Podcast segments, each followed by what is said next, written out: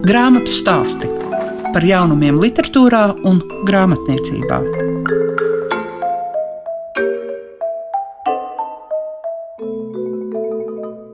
Šīs dienas grāmatu stāsti ir veltīti diviem krājumiem. Rakstniecības laboratorija, kurā 15 Latvijas rakstnieki dalās savās pārdomās par rakstīšanas procesu. Savukārt rakstu krājums, mākslinieku un arhitektu migrācija vidus Eiropā un Ziemeļa Eiropā no 1560. līdz 1900. gadam ir pirms četriem gadiem Rīgā un Rundālē notikušās starptautiskās zinātniskās konferences referātu pamatā. Grāmatu stāsti programmā Klasika. Grāmatā stāstos jūs šodien dzirdēsiet Ingu Žoludi. Tāds citronu krāsas grāmata, rakstniecības laboratorija. Kā vispār radās šī ideja, ka ir jāatklāj rakstnieku pārdomas par to, kā ir jāraksta, kas vispār ir radošums, kas ir vārds. Tur to jautājumu gūzmām. Doma tai grāmatai radās tāda ļoti praktiska apsvēruma dēļ. Es arī tā paskatījos, visi šie 15 autori, kas šeit ir apvienoti šajos vienos vākos, viņi ir kādreiz mācījuši vai māca rakstīt jauniem topošiem autoriem, un Latvijā īstenībā tā jau ir diezgan tāda sena tradīcija, bet, nu tā, teiksim, neviens nebija mēģinājis varbūt to tā sistematizēt, kaut kā rakstīt par to. Un tad eh, kārtējo reizi gatavojot kādu no tādām nodarbībām jauniem autoriem, es iedomājos, ka taču tik labi, ka būtu kāda grāmata, kurā viņi varētu daudz ko paši pasmelties un palasīt, un tā arī tā doma radās. Un man liekas, ka visi ir tik ļoti apraduši ar to domu, ar šo grāmatu, ka tā ir tik ļoti dabiska un pašsaprotama, ka, nu, ja tāda nebūtu tagad iznākusi, tad vajadzētu izdomāt tādu grāmatu. Bet man liekas, ka te ir arī tas, ka var redzēt to pieredzi, kā līdz rakstīšanai, nu ne tādā burtiskā nozīmē, bet uh, pa domas līnija arī, kā tu esi nonācis pie tā, ka tev vajag rakstīt. Jā, ar to arī šī grāmata ir ļoti liels pārsteigums, es domāju, arī mums visiem iesaistītajiem, gan veidotājiem, eh, projektu organizatoriem, gan arī visiem iesaistītajiem autoriem, ka tas eh, gala rezultāts ir ļoti, ļoti daudzveidīgas, dažādas pārdomas. Es negribētu teikt, ka žanriski tās varbūt ir esejas, kā šur tur pavīd, jūs, ja lasīsiet, redzēsiet, tie ir raksti, pārdomas, esejas, kā nu kuram, refleksijas par to, ja sākumā tas bija iecerēts varbūt kā tāds eh, tiešām krājums, kas palīdzētu atklāt, nu, to virtuvi. To noslēpumu rakstīšanas. To rakstīšanas noslēpumu un varbūt palīdzēt tiešām citiem autoriem, tad tas, ko mēs esam ieguvuši gala beigās, ir kaut kas daudz, daudz lielāks, plašāks un dziļāks, nekā mēs vispār būtu varējuši iedomāties un būtu varējuši cerēt.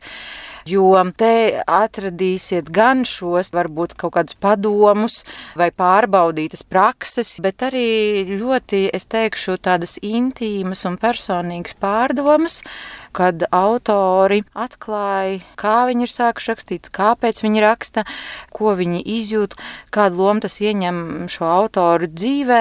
Un tās tādas lietas, par ko īstenībā autoriem bieži jautā, bet tie ir tādi dežūri jautājumi parasti. Nu, kur jūs rakstāt vislabāk, kāda apstākļa jums patīk, kāds ko jums izskatās? Jā, kāds jums, kāds jums rakstām gals, vai jūs rakstāt no rīta vai vakarā. Un īstenībā man liekas, ka autori arī bija mazliet noguruši no tādiem dežūri jautājumiem jautājumiem. Un šeit tad eh, viņi paši izvēlējās tiešām dziļāk ieskatīties un atklāt, ko tad viņiem pašiem nozīmē tā rakstīšana, kā tad viņi īstenībā raksta un kā tas mainās varbūt ar laiku. Tā kā man liekas, tas ir arī ļoti interesanti. Vispār jebkuram lasītājam tas varētu būt interesanti, kā arī jebkuram citu radošo profesiju pārstāvim, jo, ja tā kopumā ņem, tad tie visi ir stāsti par radīšanu. Man liekas, ka tas, kas bija arī 22. gada prozas lasījumos, tur bija šis jēdziens patvērums. Un varbūt arī tādā pagriezienā es to lasīju. Un man likās, ka tiešām daudz autoru var teikt, ka viņiem rakstīšana ir patvērums. Jā, es domāju, pilnīgi noteikti visi tie šeit, kas ir apkopoti, es domāju, ka viņi piekritīs. Es, protams, nevaru teikt viņu vārdā, bet tas ir tāds zināms, tāds patvērums, kas mūs visus šos autors arī kaut kādā mērā vieno. Kā tu domā, vai interesanti, vai greizsirdīgi, vai kā var izturēties pārējie rakstnieki, kuri nav uzaicināti un nav iekļaujušies rakstniecības laboratorijā, vai varētu būt arī rakstniecības laboratorija divi? Jā, nu tāds eh, varbūt tiešām mazliet jāizstāsta, kāpēc tieši šie 15 autori. Nu, pirmkārt, to ir izdevusi dienas grāmata, un tas arī bija izdevniecības uzstādījums, ka šī rakstniecības laboratorija šoreiz apvieno dienas grāmatas autors, respektīvi tie ir autori, kas ir eh, ilglaicīgi dienas grāmatas autori. Un eh, tas autoru lokus bija plašāks, bet, bet, bija bet, bet, bet bija, protams, autori, kas bija kādu citu darbu iesāktu vai tūlīt pabeidzamu romānu vidū, un kas vienkārši nevarēja un negribēja un nebija vaļas un iespējas atrauties, un tāpēc tie autori ir tādi, kādi viņi ir, bet jāsaka, ka man šķiet, ka tā plejāda ir ļoti daudzveidīga, arī diezgan dažādas paudzes, nu, teiksim, žanri, stili arī ir pārstāvēti, un tas man šķiet arī piešķir to lielāko bagātību, ka tā ir tāda ļoti daudzpusīgs, daudzveidīgs tas skatījums it kā uz vienu un to pašu tēmu. Jāatgādina, ka 24. februārī 6. vakarā, atrodoties Pulka ielas 8 Tintnīcā, ir iespēja daļu no šiem autoriem arī tikties. Nu, būs tāda iespēja. Jā, tas ir šis datums, kad uh, oficiāli atklāsim grāmatu, sanāksim uh, visi kopā un pareflektēsim arī, kas tad kuram ir šī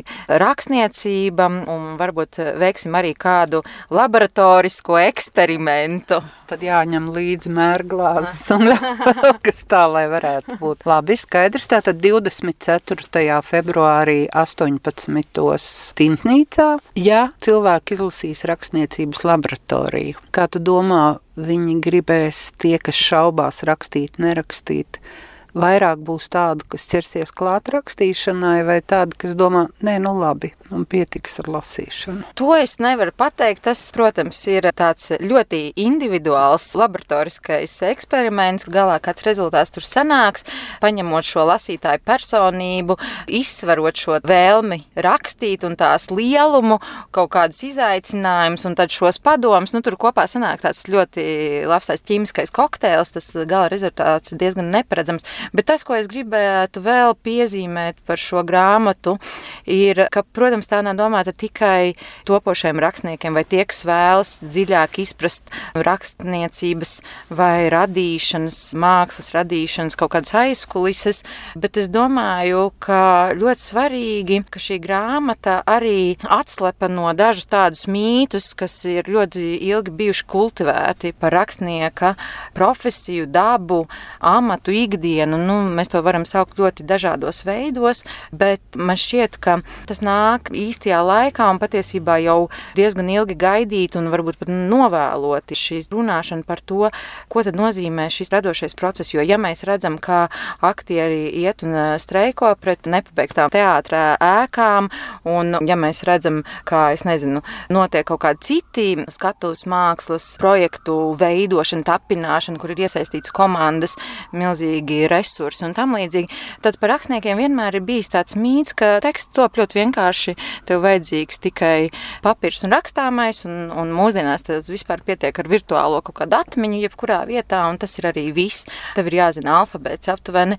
Tad man šķiet, ka vispār rakstniecība mūsu valstī un mūsu tādā kultūra politiskajā kontekstā no šādiem mītiem ir ļoti ilgi cietusi.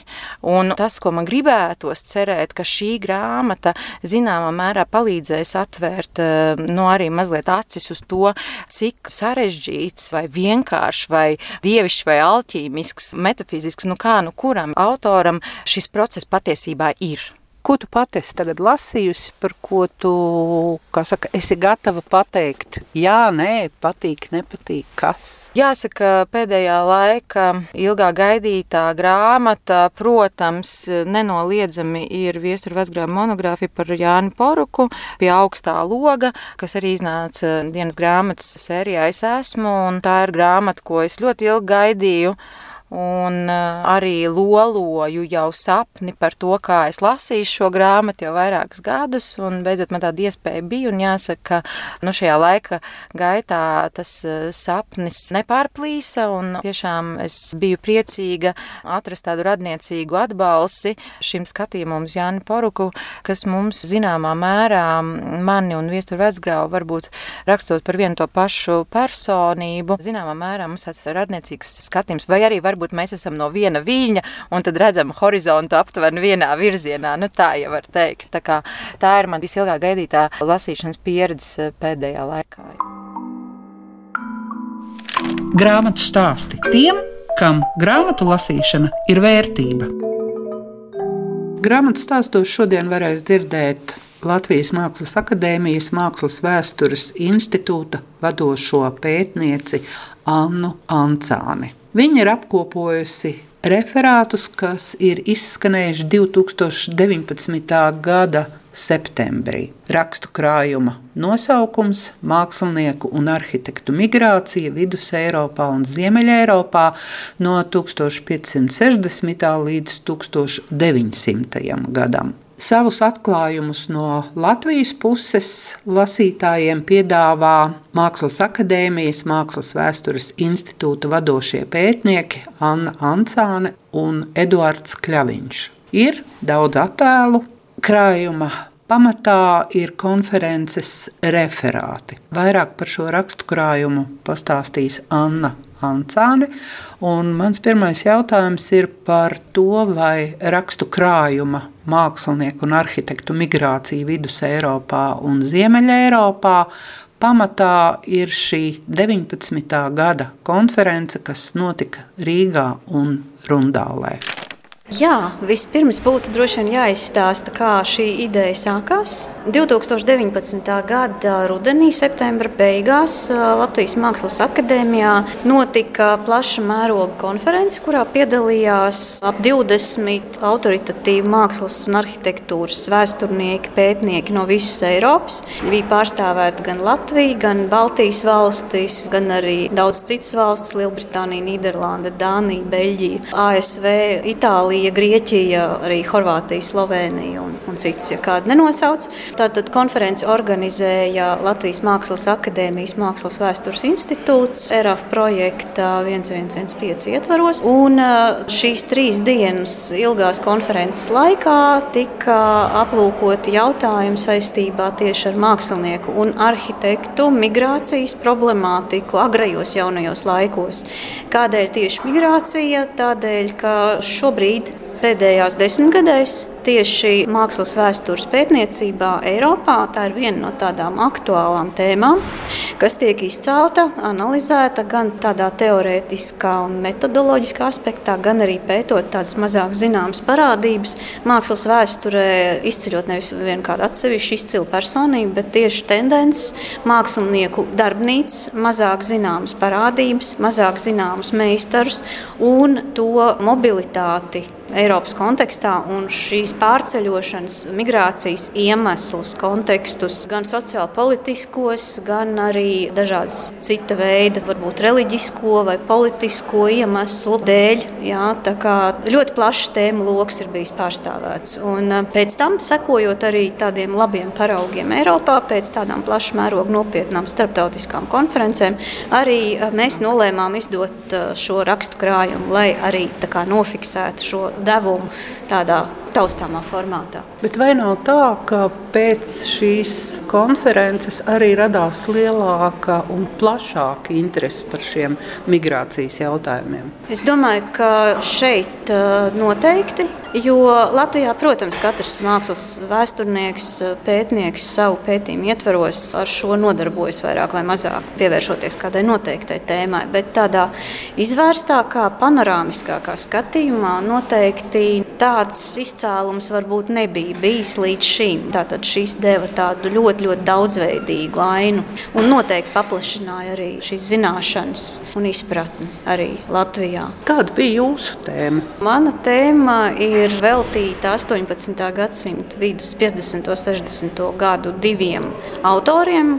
Viens no viņiem ir Johans Friedrichs Ettingers, kurš ir zināms kā Rīgas rācinām autors, arhitekts, kurš ir bijis militāra persona un visa viņa dzīve būtībā bija vien vienīga migrācija, sākot no viņa izcelsmes uh, vietas Dienvidu Vācijā, pēc tam gan kā militāra personai, gan pēc tam strādājot Dānijas uh, karaļa galmā, arī kā arhitektam. Pēc tam pārceļojot uz Pēterburgu, pēc tam nokļūstot Rīgā. Viņš ir viens no tiem, kas ievieš arī novitātes arhitektūrā. Un otrs personāžs, kurš ir manā rakstā apskatīts, ir Jānis Ernsts Mērs, kas ir telnieks, domājams no Dancigas, kurš sadarbojas ar Reitingeru un abi kopā viņi ir radījuši jaunās paradigmas tieši stilistiskā ziņā Latvijas Rīgas arhitektūrā 18. gadsimta vidū, bet tā atšķirība ir tāda, ka ja, ja pirmais no viņiem ir bijis visu laiku kustībā, tad Meijers ir tāds iebraucējs, kurš ir atbraucis šeit, apmeties uz dzīvi un pats sevi uzskatījis pēc tam par vietējo. Jā. Tā tad veiksmīga karjera bijusi. Tātad šo abu meistaru piemēri kalpo gan lai parādītu šo mākslinieku migrācijas fenomenu, gan lai parādītu, kādā veidā, pateicoties šiem procesiem, Rīgas arhitektūrā ienāk pilnīgi jaunas tendences. Vai tas nozīmē, ka jūs varētu arī novadīt ekskursiju, kur jūs to parādītu? Jā, es domāju, ka to var izdarīt. Vienīgā nelaime ir, ka tas, ko mēs zinām par Jakobu Ernstu Meijeru, ne viss ir saglabājies. Bet jā, ir arī atsevišķas pērles, kuras ir atrodamas. Es domāju, ka jā, tas ir iespējams. Vai jūs pati arī uz arhitektūru, ja sevišķi uz senāku, lūkojaties caur šo migrācijas aspektu, jeb nē? Kas jums ir galvenais tad, kad jūs vērojat? Nu, nē, es domāju, ka mm, šī mākslinieka migrācijas tēma ir nepieciešams. Tas ir tāds instruments, lai varētu labāk izprast šīs parādības, kuras mākslas vēsturē eksistē, lai labāk varētu definēt teiksim, nu, Latvijas tā laika, agro jauno laiku, manā gadījumā, perioda mākslu Eiropas kontekstā. Tādēļ tas ir. Bet tad, kad es skatos uz kādu arhitektūras piemēru, tad jā, man uzreiz, protams, Es uzreiz mēģinu, protams, pirmkārt redzēt, saskatīt šīs estētiskās vērtības, saprast periodu, un arī kaut kādā veidā sasaistīt ar to zināmo informāciju, kas man ir arī kontekstā atrast. Cik jums ir jāpārzina tā laika līnija, kas kurā brīdī notiek, lai varētu pārzināt un runāt par šo migrācijas jautājumu? Kontekstu, tā kā vēsturisko, arī vēsturisko, jā, varbūt pat politisko. Bez šaubām, ja runā par šīm tendencēm, tad jāsaprot vienā vai otrā gadījumā, kas tad ir bijis ierosinātājs. Tā kā 16. gadsimtā tas ir reliģiskās kolīzijas, kas piemēram notiek Dienvidu Nīderlandē, kas arī ir viens no iemesliem, kāpēc meistari strauji izceļo, bet arī nevienīgais, jo šobrīd arī tas tiek pārskatīts un revidēts. Tas nevar būt tik viennozīmīgi. No otrs iemesls varētu būt meistaru pārprodukcija, un tāpēc, ka viņi ir modē citur. Tas viss ir ļoti, ļoti saistīts. Ļoti interesanti. Arī, protams, kari un viss pārējais, kas izraisa šo. Protams, jāzina vēsturiskais konteksts noteikti. Jūs man arī pirms ieraksta teicāt, ka jūs esat klasiskais mūzikas klausītāji. Jā. Cik svarīgi jums ir šādās situācijās arī klausīties vai attiecīgā laika mūziku vai vispār mūziku? Kādas jums ir attiecības ar mūziku? Ļoti ciešas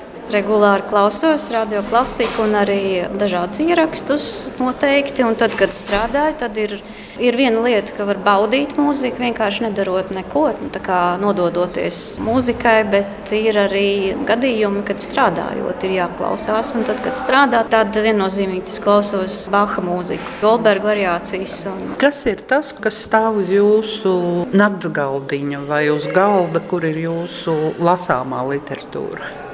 Nu, tur pārsvarā atrodas profesionāla literatūra šobrīd. Diezgan plašā klāstā, kurai es plānoju pievērsties tuvākajā laikā. Bet arī citas grāmatas, kuras kā, ir noliktas, lai tās mm. izlasītu. Jā. Varbūt kāda būs jūsu nākamā tēma pētniecības? Nu, nākamā pētniecības tēma ir pilnīgi skaidra, jo es strādāju šobrīd arī pie Latvijas mākslas vēstures tekstiem, arī par arhitektūru tieši agrie jaunie laiki. Līdz ar to ir, ir vesels lērums dažādas speciālas literatūras. Šobrīd esmu sagaidījis vienu grāmatu par Šlēsvīgas Kolšteinas memoriālo tēlniecību par epitāfijām. Tas būtu tas tieši profesionālā lauciņā. Bet ir arī, protams, grāmatas, ko ir vēlmi palaikam pārlasīt.